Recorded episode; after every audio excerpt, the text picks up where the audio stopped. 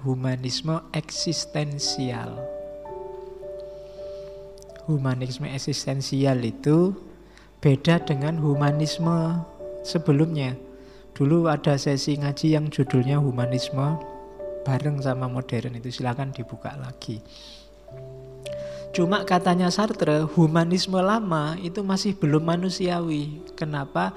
Karena humanisme lama itu masih mempertimbangkan yang lain. Manusia hidup dalam tata nilai yang dibuat di luar dirinya. Manusia hidup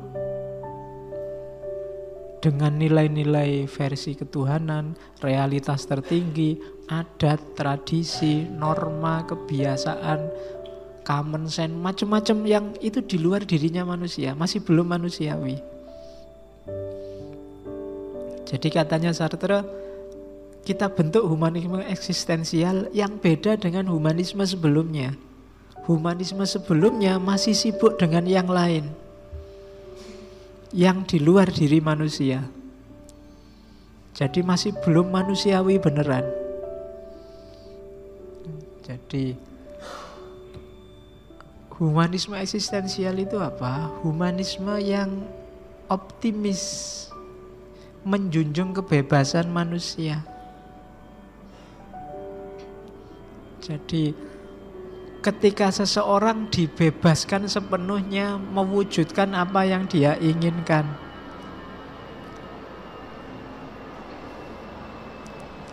Jadi manusia aktif jadi manusia.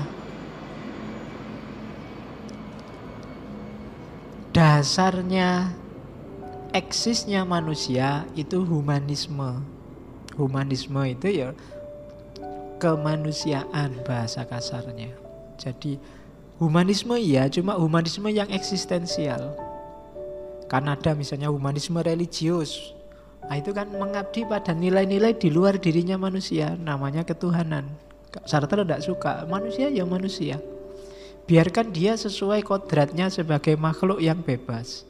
Berkata-kata, bertindak sesuai yang dia inginkan. Membentuk dunia sesuai versinya dirinya sendiri. Itu humanisme eksistensial namanya. Bikinlah kerajaan manusia, bukan kerajaan Tuhan. Ya, kan ada di teman-teman kita agama sebelah itu kan selalu ingin membangun kerajaan Tuhan di muka bumi. Katanya selalu ngapain bangun kerajaannya Tuhan? Wong kita manusia. Ya bangun kerajaannya manusia. Mari kita bangun kerajaan manusia untuk hidupnya manusia. Dan manusia adalah makhluk yang potensinya bisa melampaui dirinya sendiri sekarang. Dia bisa self surpassing Kalian itu punya potensi luar biasa. Hidupkan dan lampaui itu. Semakin kalian lampaui, semakin kalian besar. Kalian bisa sebesar apa pun yang kalian inginkan. Nah itu Sartre. Punya cita-cita jangan nanggung yang besar sekalian. Biar usahanya maksimal, insya Allah bisa. Kalau memang serius ke sana. Gantungkan cita-citamu setinggi langit kan begitu. Karena kalau cita-cita itu tinggi, seandainya gagal kan kamu sudah naik ke atas, paling bawah-bawahnya sedikit. Kalau cita-citamu presiden, berusaha jadi presiden, kalau meleset kan paling tidak menteri. Tapi kalau kamu cita-citanya ketua dukuh, berusaha jadi kepala dukuh, ya kalau meleset kamu jadi RT. Tapi kalau sudah tinggi yang kamu incar, kalau meleset dapat bawah-bawahnya sedikit. Dan bisa, pasti bisa. Karena manusia adalah makhluk yang self-surpassing. Bisa melampaui dirinya. Nah, dan katanya Sartre, yang manusia butuhkan bukanlah bukti dari eksistensi Tuhan,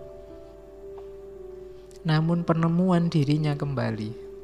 Jadi, ndak, ndak usah capek-capek nyari Buktinya Tuhan apa? Tuhan ada di mana? Tapi temukanlah dirimu sendiri.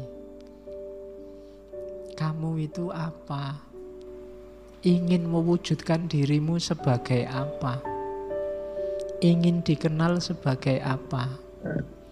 Itulah humanisme eksistensial. Jangan nyari yang di luar dirimu, cari dirimu saja. Jadi dan ini sifatnya optimis, pasti bisa, tidak pesimis kayak filosof yang lain yang kemarin ada pesimisme itu. Jadi ayo kita hidup, eksis jadi diri kita sendiri membangun dunia manusia.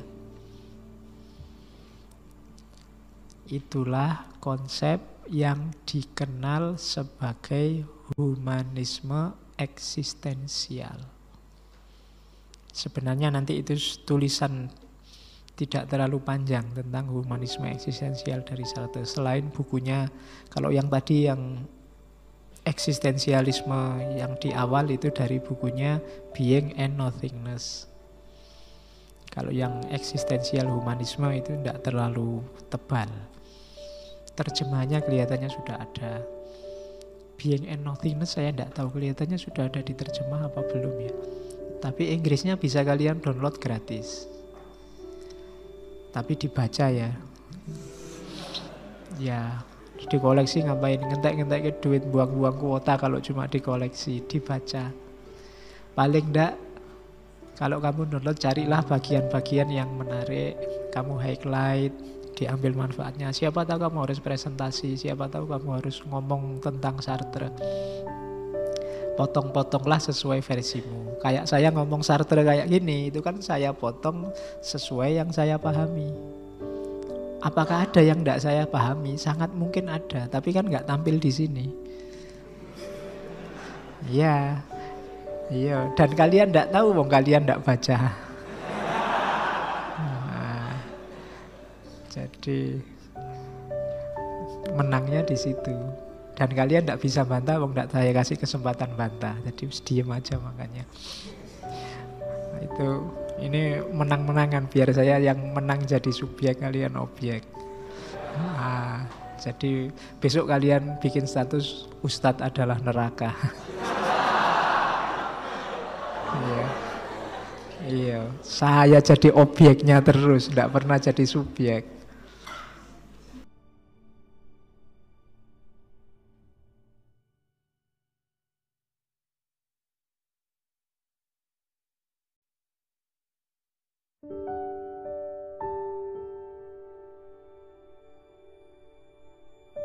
Jangan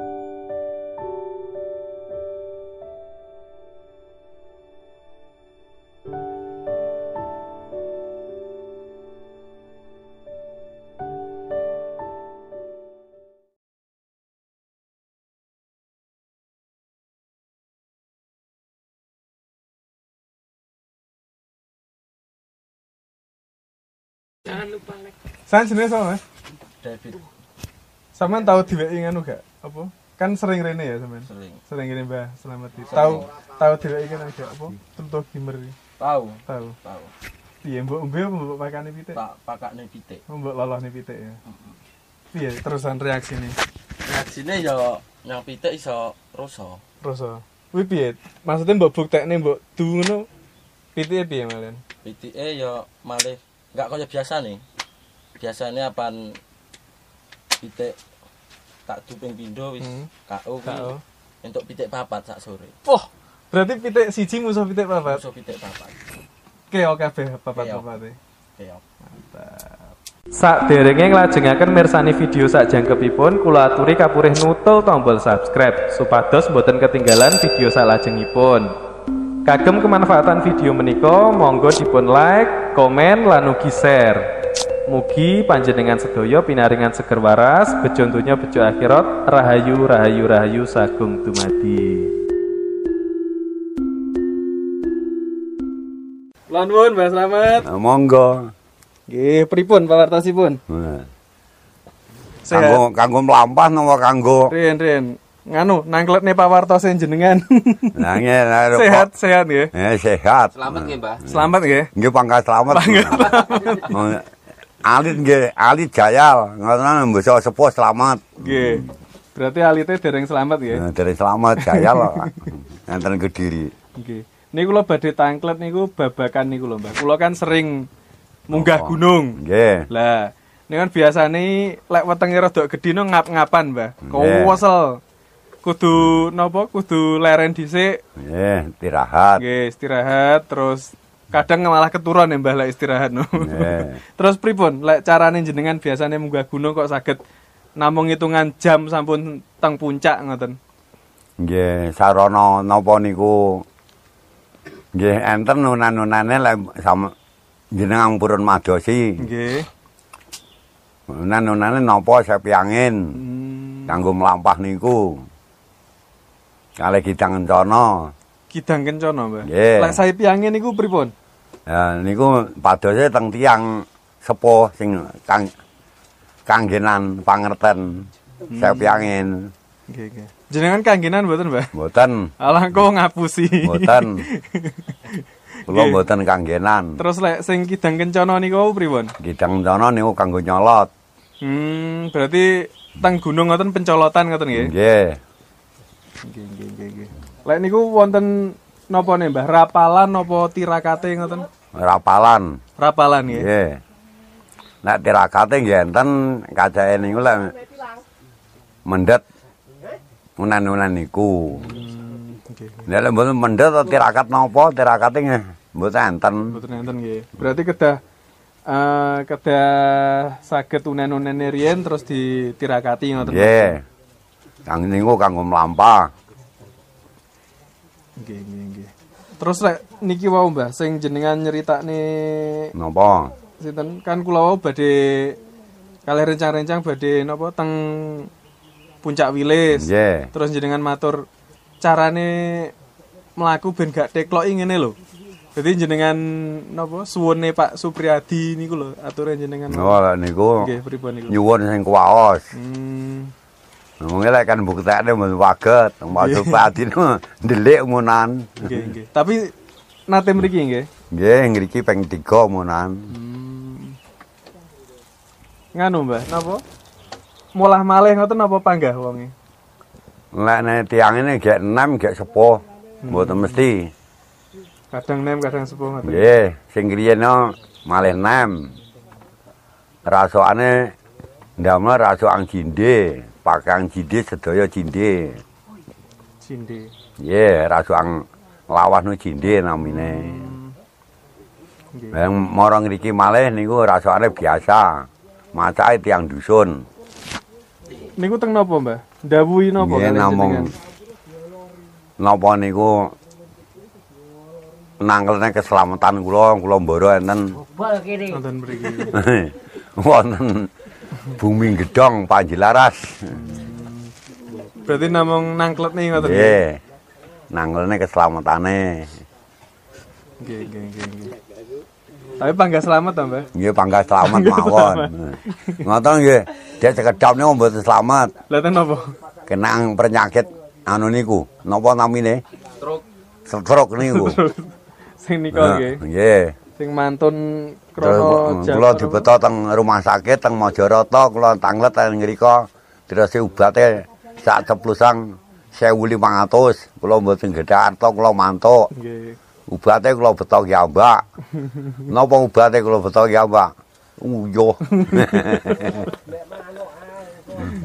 Nggih, nggih, nggih. Terus Mbah, nalikane di napa dirawuhi Pak Supriyadi niku jenengan pripun? Enten napa nggih sedaya tamu ngeten iki nggih semerep napa namung jenengan tok sing semerep? sing semrep tiang tiga Tiang tiga nggih. nggih Hmm, Semerep sedaya berarti. semrep sedaya tiang tiga niku Terus wangsule nggih biasa ngoten. wangsul nggih pamitan biasa Mboten ngilang mboten nggih. Ini pamit niku tasik lek jak salam mboten purun, purune nyembah lek Pak Supriyadi niku. Oh namung ngeten mawon. Nggih nyembah. Hmm. Samar kenging corona menawi Mbah.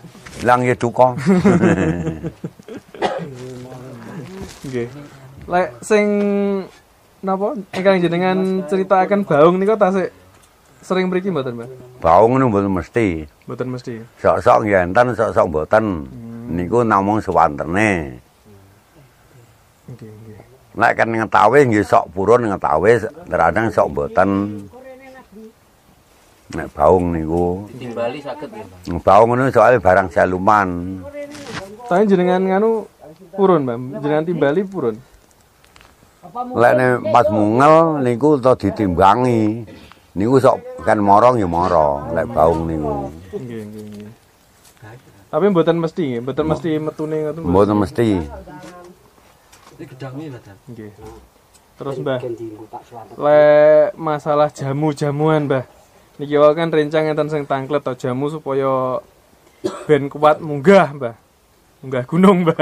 Enggak gunung. Ya jampine napa niku? Napa niku? Jampine ngangge tekad niat niku. Loh, gunung sing sitoke lho Mbah, duduk gunung sing. Nek jamu gunung sitoke niku. Niku timbalan tumbas. Jamune regine awis nggih. Luwang niku mana oyot klopo niku lho. Oyot klopo nggih. Nggih oyot kambil Nggih. Niku diapak nih, Mbah? ditedi.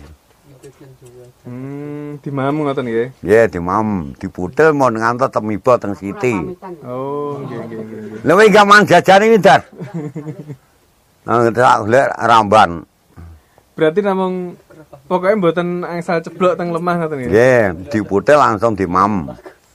Mau ngantos temiba teng siti. Lek te- temiba teng siti niku kawiyanane mboten enten. Hmm, kesaktiannya berkurang berarti. Nggih. Mame saderenge minggah.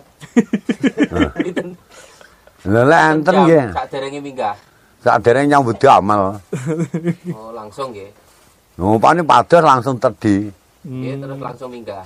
Oh, nggih mboten nggih. Kadang merasuk riyen. Oh, ngoten. Gang kali dinten atau tigang dinten niku. kok suwi men, Mbah? Nggih ngoten. Kadang merasuk badan.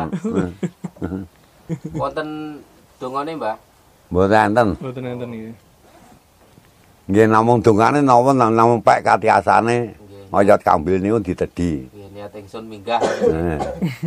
Nganggo nyehat nih kira sekolah munyeng. Kanggo nyehat nek terus. Lah ning kono jeneng ki ngela di anu kono kan eh, jen nyehane kira sekolah munyeng ning etot ngono. Pengalaman daki. Lek pengalaman jenengan pas ndaki, Mbah, pas minggah teng gunung, Mbah.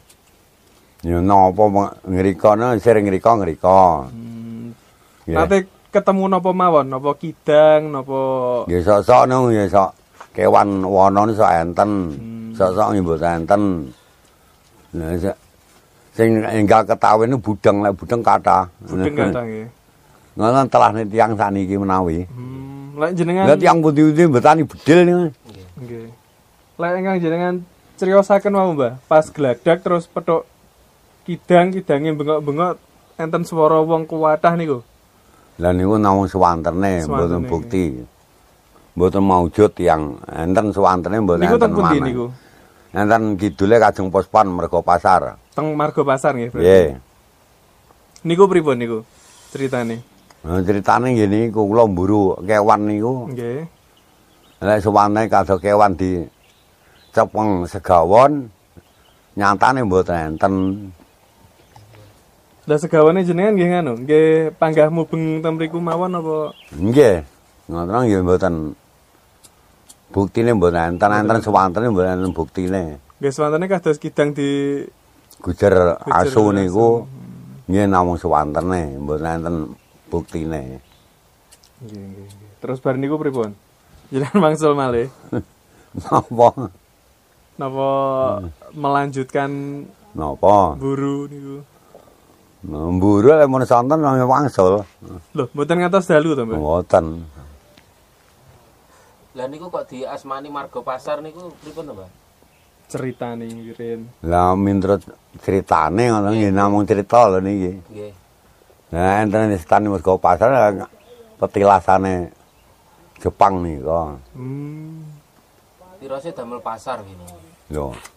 Lene mergo pasar niku mboten kok kanggo pasar mboten. Nggih. Namung perumahan lah. Kalian damel gua-gua niku ngoten. Nggih dinggeni tiyang. Kacake niku jaman rumiyin niku disertani mergo pasar kono enten pasare kono lan mboten duka. Ngoten lho. Labete griya-griya niku enten. Ompak-ompak nggih enten. Kok kathah griyane damel napa riyen? Lah nggih duka. Tinggi ndelikne emas apa piye ngono. Lah lek mas kula sapa ngrika lek panggih kula ora kula saki. Lah nggih. Mboten enten nggih harta karune. Alah mboten enten. Sok-sok enten, sok-sok niku lek lek purun enten niku. Nggih. Ngen guane menawi kanggo ndelikne bahan napa. Sok-sok enten Bahan. Ban. bahan niku. Tapi saat ini kan pun di nganu tiang-tiang. Alah mun amblek danten, mun gua-gua niku mun kathah sing amblek.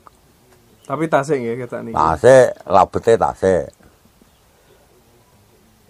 Terus balik suro-suro ngeten iki biasane pripun Mbah jenengan Mbah? Tirakatan apa melekan ngoten apa biasa Ya, lek- mawon?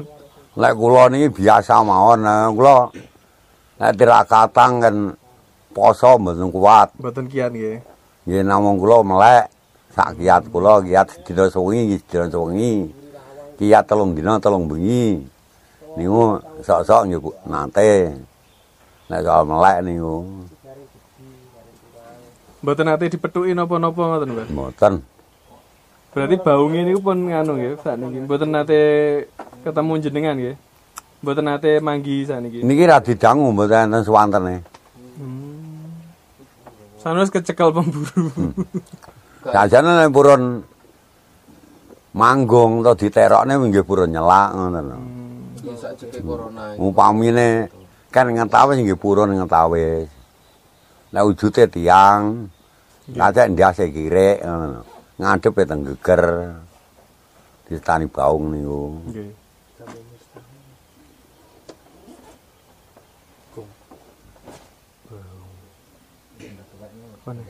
Nek kadar Pak Kadar niku wau Nggih.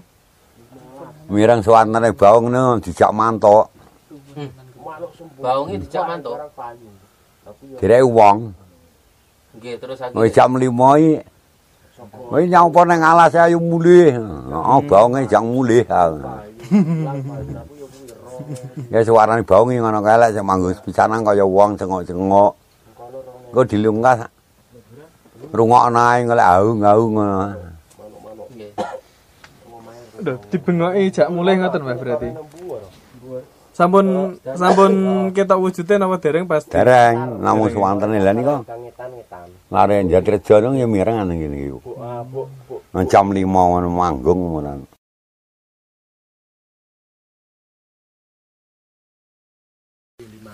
Awas iki Iki duduk karet Mbah ya. Utuh kok terus to gimana karet ning kene apa enek karet. Oh iya. Nek golek terus tak gunung kene alas kene. Lagi lek Damar nggih, Bang. Senes. senes, senes. Nek gimer ya gimer iki kanggo tahan pukul. Lah itu yang wong utawa yang pitik. Loh, nyang wong iso Mbah. Lho lho. Lah Niku dinapane? Di ya di Diulu ngoten. dulu karo banyu kok kene kuwi kok jarak 10 dina apa 20 dina munggah panggung mencak silat. Nggih jata sang krasa lara apa ora.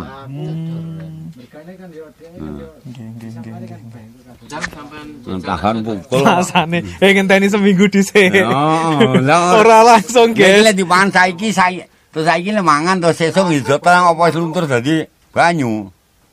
Berarti ngenteni di ngenteni dicerna Nyawa dhisik, ya? pitik, nyawa wong ngenteni merasuke. Lah yang ngenteni dicerna dhisik. Heeh, njen meraso njen dadi banyu neh. Tlutuh gimer. Loh, masa megur tlutuh gimer tok Mbah sing lek sing anu, sing ampreh. Terus gimer ya adune rono pitu. Heeh. Wis sing ben gak tedas bacok tapi. Lek gak tedas pukul cukup iki cukup Mbah ya. Cukup. Cukup.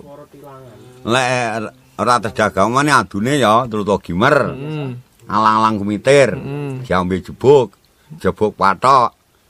Intip iyan, biyen Hmm. saiki ra ana iyan nih. Intip cooker. Sego goreng mijikom. saiki anake mijikom kok. Heeh. Nah, dadung medhot tengah dalan. Adune Dadung pedhot teng andalane apa neh? dadung sembarang lah dadung gletak nek tengah dalan medhot kuwi roh dijimuk jumuk saiki saiki ngono. Engko diklumpukne sakmene ngene. Terus dipangan wong apa dipangan pitike. Hmm, Nek renane pitu. Sing golekane angel mbek rena loro kuwi. dadung pedot. Alang-alang kumitir, gembyonge selendang rami, selendang no. alang-alang kumitir sing piye, Mbah? Ngono ora ana angin. Heeh. Terus ana alang-alang sing ngobahi ngene nduding langit ngene. Oh. Kuwi jenenge alang-alang kumitir. Berarti Sing ora ngene lho. Lek ngene terak barat. Heeh. Lah iki nduding langit wah ngene, ugil-ugil.